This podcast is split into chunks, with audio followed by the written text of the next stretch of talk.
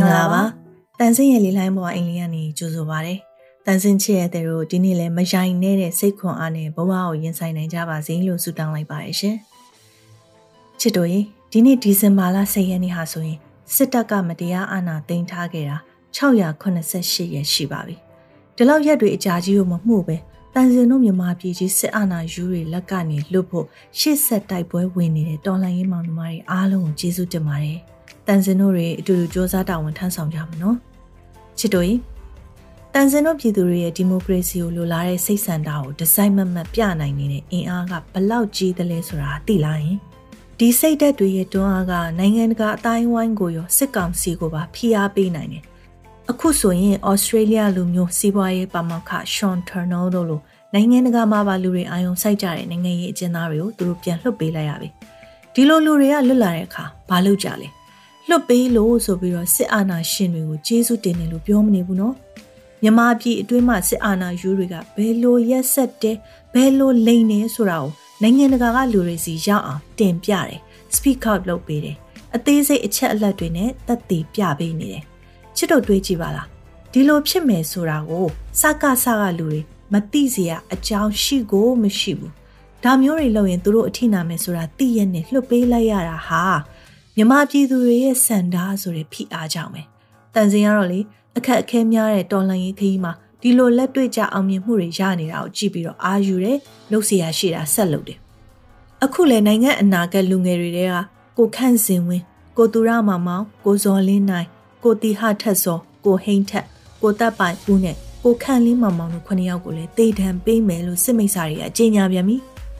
ဘလို့ဖြစ်မယ်ဆိုတာမသေးချာမရှိရသေးဘူး လွန်ခဲ့တဲ့9လဇူလိုင်လ25ရက်နေ့ကပဲဒီမိုကရေစီလိုလားတဲ့စံတာနဲ့လွတ်လပ်စွာရှင်သန်မှုကြိုးပမ်းတာကိုရာဇဝတ်မှုလို့စစ်အာဏာယူတွေကတစိတ်ကပ်ပြီးတေတံလို့နာမည်တက်တယ်။တရားမဲ့တက်ပြီးအလောင်းဖြောက်တယ်။ဒါဟာထွက်ပေါက်မဲ့နေတဲ့စစ်ကောင်စီကတရားဥပဒေဆိုတဲ့စကားကိုဗန်းပြပြီးတေတံကိုနိုင်ငံရေးလက်နက်လို့သုံးနေတာပဲ။သူတို့ကိုတွန်းလှန်လို့လက်စားချေပြနေတာပဲ။ လက်ရှိမှာစစ်ကောင်စီရဲ့တရားမဲ့စစ်ခုံရုံးတွေကနေတေတံချထားတဲ့သူကလူအယောက်130ထက်မနည်းဘူးသူတို့ကစစ်မိတ်ဆာတွေလက်ထဲကနေနိုင်ငံကိုပြန်လူယူဖို့စ조사လို့မတရားဖမ်းခံရတာသူတို့မှာဘာအပြင်းမှမရှိဘူးဒါပေမဲ့တန်စင်တို့ပြည်သူတွေကစစ်မိတ်ဆာတွေ၆တမြကြောက်တယ်ဆိုပြီးထိုင်ကြည့်နေ နေ့စဉ်နဲ့အမျှဒီလိုစိတ်မသက်သာစရာတွေထဲမှာပဲပိတ်မိပြီးအပြုံးတွေတောင်စိတ်လွတ်ကိုလို့ပြောရပြုံးရတယ်ဆိုတာဘာမှမသိတဲ့စစ်ဖက်နှက်အောက်ကဘဝကနေတက်မှာကိုမဟုတ်ဘူးဒီမိုကရေစီလိုလားတဲ့စိတ်ဆန္ဒနဲ့လွတ်လပ်စွာရှင်သန်မှုကြိုးပမ်းတာလေးကိုကပဲစစ်မိတ်ဆာတွေလက်ထဲမှာဆိုရင်ရာဇဝတ်မှုလို့နာမည်အတက်ခံရအဖမ်းခံရအသက်ခံနေရမှာပဲဒါတွေကဘယ်တော့မှရပ်မှာမဟုတ်ဘူးဒီတော့ boycott တစ်ခုလုပ်တာ post တစ်ခု like and share လုပ်တာ click တစ်ချက်နှိပ်တာကစပြီးတော့ပြည်သူအတန်ကိုပြဖို့အရေးကြီးတယ်ပြည်သူတွေမှာစွမ်းအားရှိတယ်ဆိုတဲ့ယုံကြည်ချက်နဲ့စစ်မိတ်ဆာတွေရဲ့လူမဆန်တဲ့လုပ်ရက်ကိုရတဲ့ဘက်ကရှုံချကြမယ်ကန့်ကွက်ကြမယ်။သဘောမတူတာကိုမတူကြောင်းဆက်ပြကြမယ်။အရန်ကြက်လို့ပေါ်တင်ပြလို့မရရင်တော့လွတ်လွတ်လပ်လပ်လုံနိုင်နေတဲ့သူတွေကနေတစင်းအတန်ထွက်ပြလို့ရတယ်။အမေတော်ဆန်းစုကြည်ကလွတ်လပ်နေတဲ့သူတွေကိုပြောခဲ့ဘူးလေ။ရှင်တို့ရဲ့လွတ်လပ်ခြင်းကိုကျမတို့ရဲ့လွတ်လပ်ခွင့်အတွက်တောင်းဆိုတဲ့နေရာမှာသုံးပေးပါတဲ့။ အခုလဲအမေစုကပမောက္ခရှွန်ထနယ်အကျဉ်းတော်ကနေပြန်မထွက်လာခင်မှာတွေ့ခွင့်ရလိုက်တော့ထပ်ပြောလိုက်တယ်။မြမပြည်အကြောင်းဖြစ်မှန်တွေကိုအားလုံးကိုပြောပြပါ။ကျမတို့နှုတ်ပိတ်ခံထားရပေမဲ့ရှင်ကတော့ပြောနိုင်နေတဲ့ဒါဟာနိုင်ငံသားတွေနိုင်ငံတကာကလူတွေကိုပဲပြောတာမဟုတ်ဘူးနော်တန်စင်တို့ပြည်သူတွေလည်းလုံနိုင်တယ်အဖမ်းခံနေရတဲ့သူတွေအတွက်လွတ်မြောက်လုံခြုံတဲ့နေရာကလူတွေကအတန်မထွက်ရဲတော့တဲ့လူတွေကိုစားအတန်ကြည်ကြဲထွက်အောင်လုပ်ပေးနိုင်တဲ့သူတွေကစ조사ပေးနိုင်တယ်လေ လိုအပ်နေတဲ့သူတွေအတွက်ငွေလှူမယ်မဲဝယ်မယ်နောက်ဆုံးငွေမတက်နိုင်တော့ကလစ်မယ်စစ်တပ်နဲ့ပတ်သက်တဲ့လုပ်ငန်းတွေကလူတွေကိုရှောင်မယ်တန်စင်တို့အခွင့်အရေးအပြည့်ပြန်ရဖို့ဒါလောက်တော့လုပ်နိုင်ပါတယ်ဟုတ်တယ်မလားအမေတော်အောင်ဆန်းစုကြည်ကပမောက္ခရှွန်တာနယ်ကတဆင့်ပြည်သူတွေစီစကားတခွန်းလှမ်းပလိုက်သေးတယ်ဒီမိုကရေစီရဲ့လွတ်လပ်မှုတွေကိုခဏလောက်ပဲခံစား권ရခဲ့ပေမဲ့ဒီမိုကရေစီအခွင့်အရေးတွေကိုခုခံကာကွယ်ဖို့မြမပြည်သူတွေအစင်းသင်းဖြစ်နေတာကိုအယံကုန်ယူတယ်တဲ့ ပြည်သူကောင်းဆောင်ကဂုံယူရတဲ့တန်စင်တို့ပြည်သူတွေအဆုံးထိလက်တွဲပြီးတိုက်ပွဲဝင်သွားကြမယ်နော်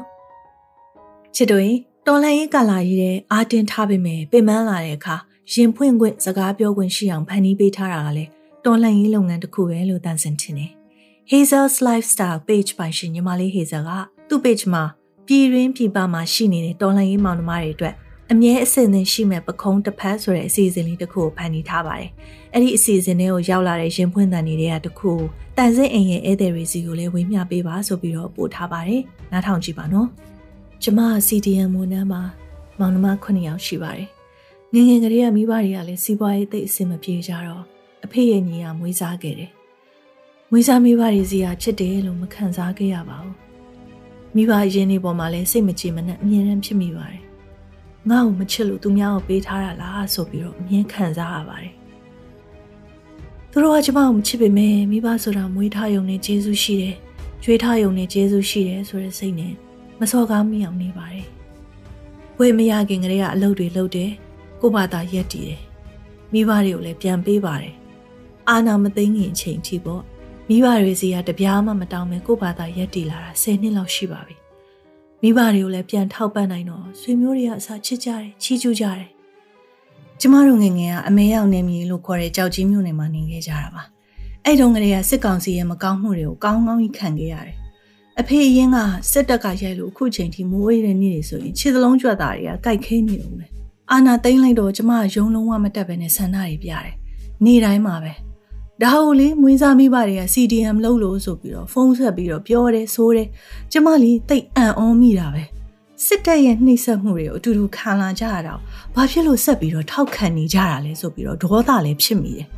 ကျမကတခါမှမိဘတွေကိုတိတ်ပြီးတော့ပြန်ခံမပြောပါဘူးဒါပေမဲ့အဲ့ဒီအချိန်တုန်းကတော့အပြန်အလှန်အခြေတင်ပြောပြခဲ့ကြတယ်ဒါကဒုတိယအချိန်ပြောမိတာပေါ့နော်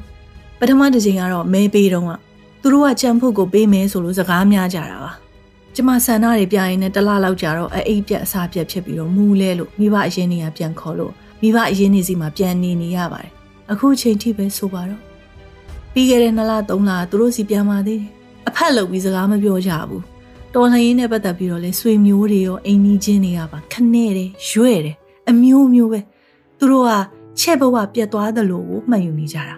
ဘာမှလှုပ်ရှားလို့မရတော့ဘူးသုံးစားလို့မရတော့ဘူးလို့ပြောကြတယ် ပြီးခဲ့တဲ့တစ်လလောက်ကဆိုရင်လေတတ်သေးဖို့တောင်စဉ်းစားခဲ့ဘူးတယ်မိဘတွေကိုဘဝတစ်ခုလုံးမှတ်ပြီးတော့ကိုကနေလာပေးခဲ့ရက်နဲ့သူတို့ကိုချစ်ပေးခဲ့ရက်နဲ့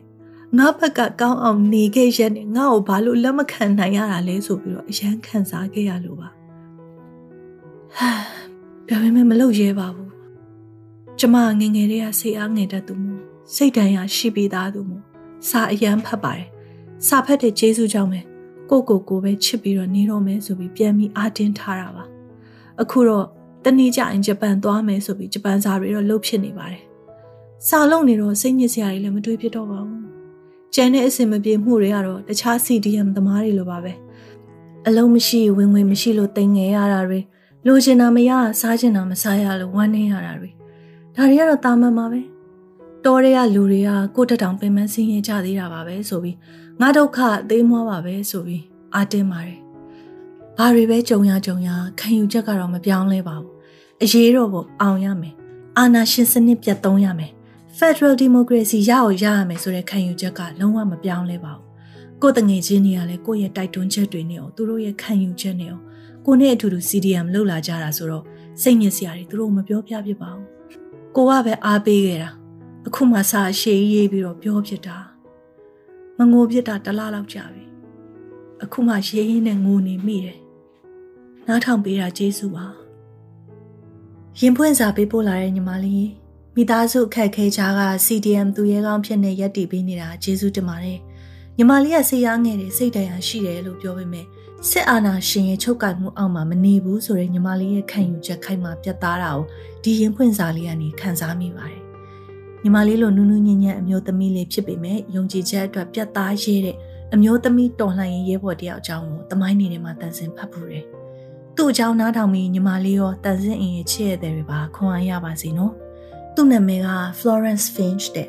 Florence Finch ကို1915ခုနှစ်မှာဖိလစ်ပိုင်ကျွန်းစုရဲ့ Isabella စီရင်စု San Diego မြို့မှာမွေးဖွားခဲ့တယ်။အဖေကတော့ Spain American စစ်ပွဲပြီးမှဖိလစ်ပိုင်မှာနေရစ်ခဲ့တဲ့ American ဆေးတပ်သား။ အမေကတော့ချော်မော်လှပတဲ့ဖိလစ်ပိုင်အမျိုးသမီးပါ။ Florence ရဲ့ငယ်ဘဝကတော့ခက်ခဲကြမ်းတမ်းမှုတွေနဲ့ပြည့်နေခဲ့ပါတယ်။ Florence ဟာလူမှုရေးရှုပ်တဲ့အဖေကြောင့်အမြဲတမ်းလိုလိုစိတ်ပြတ်ဒေါသထွက်နေရတဲ့အမေရဲ့မကျေနပ်ချက်တွေကိုခါးစီးခံခဲ့ရလို့ငငယ်ကလေးကစိတ်ဒဏ်ရာတွေရခဲ့တဲ့မိန်းကလေးပါ။ ကျောင်းထားချိန်ရောက်လာတဲ့အခါမှာတော့ Florence ကိုမနီလာက American Philippine ကပြားလူမျိုးတွေရဲ့ကလေးတွေအတွက်ဖွင့်ထားတဲ့ main ကလေးဘော်ဒါကျောင်းကိုပို့ခဲ့တယ်။အဲ့ဒီဘော်ဒါကျောင်းမှာကျောင်းတက်နေတော့မှပဲသူဟာ Lorraine ဆိုတဲ့သူ့ငယ်နာမည်ရင်းကနေစပိန်စကားနဲ့ဆိုရင် Florencia ဖူးပွင့်စာပန်းလေးလို့အဓိပ္ပာယ်ရတဲ့ Florence အဖြစ်နာမည်ပြောင်းခဲ့ပါတယ်။ဘဝရဲ့ကောင်းမွန်တဲ့အရာတွေရောက်လာဖို့မျှော်လင့်ရင်းဒီနာမည်ကိုရွေးခဲ့တာတဲ့အသက်ငယ်ငယ်လေးကတည်းကမိဘတွေရဲ့ပြုစုဆောင်ရှောက်မှုနဲ့ဝေးခဲ့ရတာက Florence ကို ဘယ်ကိစ္စမှမဆိုကိုအားကိုကိုတတ်တဲ့အမျိုးသမီးငယ်လေးတစ်ယောက်ဖြစ်လာစေခဲ့ပါတယ်။တွက်လက်ထူးချွန်တဲ့အကြောင်းသူတစ်ယောက်လည်းဖြစ်လာစေခဲ့ပါတယ်။အချိန်ပိုင်းလုံးလုံးရင်းနဲ့ Manila Central School ကိုကျောင်းပြောင်းတက်ခဲ့တဲ့ Florence ဟာအဲ့ဒီကျောင်းမှာပဲဂုဏ်ထူးတွေနဲ့အထက်တန်းကျောင်းအောင်ခဲ့ပါတယ်1934မှာတော့မနီလာမြို့ Insula Business College မှာပညာသင်ယူခဲ့ပြီးတော့စီးပွားရေးစည်ရင်းကင်ဘာသာရပ်တွေအပြင်စာစီစာရိုက်နဲ့လက်ရေးတို့ရင်းနှီးတွေကိုပါသင်ယူခဲ့ပါတယ်တဲ့။ ကျောင်းပြီးတဲ့အချိန်မှာတော့ဖိလစ်ပိုင်မှာရှိတဲ့ American ကြီးတက်ရေးတက် YMCA ရုံးရဲ့စီးပွားရေးမန်နေဂျာစီမှာလက်ထောက်အနေနဲ့အလုပ်ဆောင်ဝင်ခဲ့တယ်။အဲ့ဒီရုံးမှာပဲ American ရေတပ်ထောက်လှမ်းရေးရုံးမှာအလုပ်လုပ်နေတဲ့ Charles Smith နဲ့ဖူးစာဆောင်ခဲ့ကြတယ်။1940မှာတော့ Florence ဟာဖိလစ်ပိုင်အခြေစိုက်အမေရိကန်စစ်ထောက်လှမ်းရေးတပ်ရဲ့ဒုတိယတရင်မှု Major Edward Carl Engelhardt ရဲ့စီမံခန့်ခွဲရေးလက်ထောက်လုပ်နေခဲ့ပါတယ်။အဲဒီနောက်တစ်နှစ်ကြာမှာတော့ Florence ရဲ့ဘဝဟာ ဇောက်ထိုးမှုမျှော်ဖြစ်သွားရပါတော့တယ်။1941ဒီဇင်ဘာမှာတော့အမေရိကန်တွေရဲ့ပလဲစစ်ကန်ကိုဂျပန်ကဘုံကျဲချပြီးတဲ့နောက်10နိုင်အကြာမှာဖိလစ်ပိုင်ကျွန်းစုကိုဂျပန်တပ်တွေဝင်လာပြီးဖိလစ်ပိုင်ဟာဂျပန်တွေရဲ့အုပ်ချုပ်မှုအောက်ကိုရောက်သွားတယ် Florence ရဲ့ခင်မွန်းကလည်းသူတာဝန်ထမ်းဆောင်နေတဲ့စစ်သည်မို့ဂျပန်စစ်လေရင်ဘုံကျဲတာကိုခံရပြီးသေဆုံးသွားတယ်။အဲဒီနောက်လတော်တော်ကြာမှမုံဆိုးမလေး Florence ကသူ့ယောက်ျားဟာ ရဲဘော်တင်မွန်သားတယောက်ကိုကယ်ဖို့စ조사နေရင်ကနေအသက်ဆုံးရှုံးသွားရတယ်ဆိုတာကိုသိလိုက်ရတာ။အဲ့ဒီအချိန်ကစပြီးဂျပန်တွေကိုရနိုင်သမျှနီလန်းနဲ့တိုက်ထုတ်မယ်လို့ Florence ကစေဆုံးဖြတ်ခဲ့ပါတယ်။ အဲဒီနောက်မှာတော့ဖိလစ်ပိုင်မနီလာမြို့ကဖိလစ်ပိုင်73စီဖြန့်ချီရေးဌာနမှာအလုပ်ဝင်လုပ်တယ်။အဖမ်းခံအနှိပ်စက်ခံနေရတဲ့အမေရိကန်ဖိလစ်ပိုင်စစ်တုံးမန်းတွေကိုထောက်ဖို့ဂျပန်တွေသုံးမဲ့73စီတွေကိုအလုပ်လုပ်ရင်းနဲ့ခိုးရောက်နေ။စည်ရင်းတွေလိမ်ပြီးတော့ရလာတဲ့ပတ်စံတွေနဲ့အဝတ်အစားဆေးဝါးနဲ့တခြားအသုံးဆောင်ပစ္စည်းတွေကိုဝယ်တယ်။အဲ့ဒီပစ္စည်းတွေကိုဖိလစ်ပိုင်တော်လှန်ရေးအဖွဲ့တွေရဲ့လျှို့ဝှက်မြေအောင်ပို့ဆောင်ရေးလမ်းကြောင်းကနေတဆင့် Florence ကသူ့ရဲ့အထက်လူကြီးဟောင်း Major Angle Hart အပါအဝင်စစ်တုံးမန်းတွေစီကိုပုံမှန်ပို့ခဲ့တယ်။ ဂျပန်လက်အောက်ခံဖြစ်နေတဲ့မနီလာမြို့ပေါ်မှာဒီလိုလုပ်တဲ့ Florence ရဲ့ထောက်ပို့အလုပ်ကတိတ်အန်နေရများတာအမားလေးတစ်ခုလုံးမိလိုက်တာနဲ့အဖမ်းခံရပြီးတော့အသက်ပါပါနိုင်တယ်လေဒါကိုလဲ Florence ကကောင်းကောင်းသိထားတယ်ဖြစ်လာနိုင်တဲ့နောက်ဆက်တွဲကိစ္စတွေအတွက်လည်းသူ့စိတ်ကိုသူကောင်းကောင်းပြင်ဆင်ထားတယ်ဒီလိုနဲ့ပဲ1944အောက်တိုဘာမှာတော့ Florence တယောက်အဖမ်းခံလိုက်ရပါတယ်ဂျပန်တွေကသူ့ကို3ပေ4ပေအကျယ်ပဲရှိတဲ့အချုပ်ခန်းချင်းချင်းလေးတွေကိုပို့ပြီးတော့ချုပ်ထားလိုက်ပါတယ် စစ်ကြောရေးရောက်တော့ဆွဲချက်တွေကိုဖတ်ပြပြီးဝန်ခံခိုင်းတယ်အတူတူအလုံးလုံးနေတဲ့ဖိလစ်ပိုင်တော်လှန်ရေးကွန်ရက်တွေအကြောင်းကိုဖော်ထုတ်ခိုင်းတယ်ဒါပေမဲ့စိတ်ကိုကြိုတင်ပြင်ဆင်ထားတဲ့ Florence ကတော့လုံးဝဝန်မခံပဲဆွဲချက်တွေကိုညင်းမဲ့ညင်းပြီးတင်းခံထားတယ်အဲ့တော့သူ့ကိုဖက်စစ်ဂျပန်တွေကမျက်နှာကိုထိုးတယ်ဝစစ်တုံးနဲ့ရိုက်တယ်တတိလစ်မေမျောတဲ့အထိပဲတဲ့ဂျပန်စစ်သားတွေကခန္ဓာကိုယ်တစ်ခုလုံးလွင့်ထွက်လောက်အောင်ပြင်းနဲ့အားနဲ့ရက်စစ်ရှော့ပေးတာအုပ်စုဖွဲ့မဒိန်ကျင်တာတွေကိုလှုပ်လဲ Florence ကနေဘာမှမေးလို့မရခဲ့ပါဘူး။အဲ့ဒီနောက် Florence ကိုနာမည်ဆိုးနဲ့ကြော်ကြတဲ့ Billabed အကျဉ်းထောင်ကြီးစီကိုပို့လိုက်ပါတယ်။1944ဒီဇင်ဘာမှာတော့အချိန်2မိနစ်လောက်ပဲစစ်ခုံရုံးတင်စစ်ပြီးတော့အဖြစ်ရှိတယ်ဆိုပြီးအလုတ်ကျန်းနဲ့ထောင်ဒဏ်3နှစ်ချပြစ်လိုက်ပါတယ်။ဒီလိုနဲ့မန်ဒါလူယောင်အမျိုးသမီးထိမ့်သိမ်းပြုပြင်ရေးစခန်းကို Florence ရောက်သွားပါတယ်။အဲ့ဒီစခန်းကလေ စားစရာရှားလုံးလုံးအချင်းကျနေတဲ့အမျိုးသမီးတွေအများကြီးအစာငတ်ပြီးတည်ခဲ့ကြတဲ့နေရာပေါ့ Florence ကတော့အသက်တော့မသေးပေမဲ့ကိုအလေးချိန်တွေအများကြီးကျသွားတယ်အဲ့ဒီနောက်တိတ်မကြခင်မှာပဲ American တပ်တွေကဖိလစ်ပိုင်ကိုပြန်ဝင်လာပြီးဂျပန်တပ်တွေကိုတိုက်ထုတ်လိုက်လို့မန်ဒါလူယုံအချင်းစခန်းလည်းလွတ်မြောက်သွားပါတယ်မသေးုံတမယ်လွတ်လာခဲ့တဲ့ Florence ဟာလည်းကျမ်းမာရေးချိန်နေပြန်ကောင်းလာဖို့အတွက်သူ့အဖေဘက်ကအတော်ရှိတဲ့ America Buffalo မြို့မှာတွားပြီးတော့အနားယူခဲ့ရပါတယ် ဒါပေမဲ့ဖက်စစ်ဂျပန်တွေနဲ့တိုက်ရတဲ့စစ်ကတော့ဆက်ပြီးတော့ဖြစ်နေတော့မယ်။ဒီလောက်ဆိုးတဲ့အဖြစ်တွေကြုံခဲ့ပေမဲ့ Florence ရဲ့ခံယူချက်ကပြောင်းမသွားတဲ့အပြင်နေပြန်ကောင်းလာတာနဲ့ဖိလစ်ပိုင်မှာဂျပန်တွေကိုကိုယ်တိုင်တိုက်မယ်ဆိုပြီးတော့ American ကန်ဆောင်တပ်ထဲကိုဝင်လိုက်တယ်။အဲ့ဒီနောက်စစ်ကြီးပြီးသွားတဲ့အချိန်မှာတော့ဖိလစ်ပိုင်မှာအကျဉ်းချခံခဲ့ရတဲ့ American စစ်သုံးမန်းတွေက Florence ရဲ့ရဲရင်နဲ့ထောက်ပို့လုပ်ငန်းတွေအကြောင်း American စစ်ဘက်ဆိုင်ရာဌာနကိုတင်ပြပေးခဲ့ကြတယ်။အဲ့ဒီအတွက် Florence ဟာ သမရကိုယ်တိုင်ပေးတဲ့ Medal of Freedom လွတ်လပ်မှုစုတစိတ်ဂုဏ်ပြုချီးမြှင့်တာကိုခံခဲ့ရပါတယ်။ငယ်ဘဝမလှခဲ့လို့စိတ်တန်ရာနဲ့မင်းကလေးချစ်ရသူကိုရန်သူလက်ထဲမှာဆုံးရှုံးခဲ့ရတဲ့မုံဆိုးမလေးယုံကြည်ချက်အတွက်တော့ပြက်ပြက်သားသားလှုပ်ရဲတယ်။ရက်ဆက်မှုတွေကိုခံနိုင်ရရှိခဲ့တယ်။ Florence ဟာစစ်အတွင်းဒဏ်ရာရခဲ့တဲ့စစ်ပြန် American စစ်သား Bob Finch နဲ့အိမ်အောင်ပြုတ်ပြီးတော့ကလေးနှစ်ယောက်ရခဲ့ပါတယ်။ Cornell တက္ကသိုလ်မှာအလုပ်ရခဲ့ပြီးတော့2016ဒီဇင်ဘာအသက်100နှစ်အရွယ်အထိရှင်သန်နေထိုင်သွားခဲ့ပါတယ်။ Florence Quello တော့နှစ်ပေါင်း80ကျော်ကသူ့ရဲ့ပြတ်သားရဲရင်မှုအတွက်သူ့ရဲ့နောက်ဆုံးခရီးကို American စစ်တပ်ကစစ်အခမ်းအနားအပြည့်စုံနဲ့ဂုဏ်ပြုပေးခဲ့ပါတယ်။ကဲချစ်တွေဒီနေ့လဲတန်ဆင်းအိမ်ကိုလာလေရင်တော်လှန်ရေးအင်အားတွေရသွားဖို့မျှော်လင့်ပါတယ်။ဒီနေ့တော့ဒီမှာပဲနှုတ်ဆက်လိုက်ပါတယ်။နောက်ပတ်မှာတန်ဆင်းအိမ်မှာပြန်ဆောင်ကြမယ်နော်။ ပြန်မဆုံးနိုင်သေးခင်အာတင်ထားကြမယ်နော်။တတား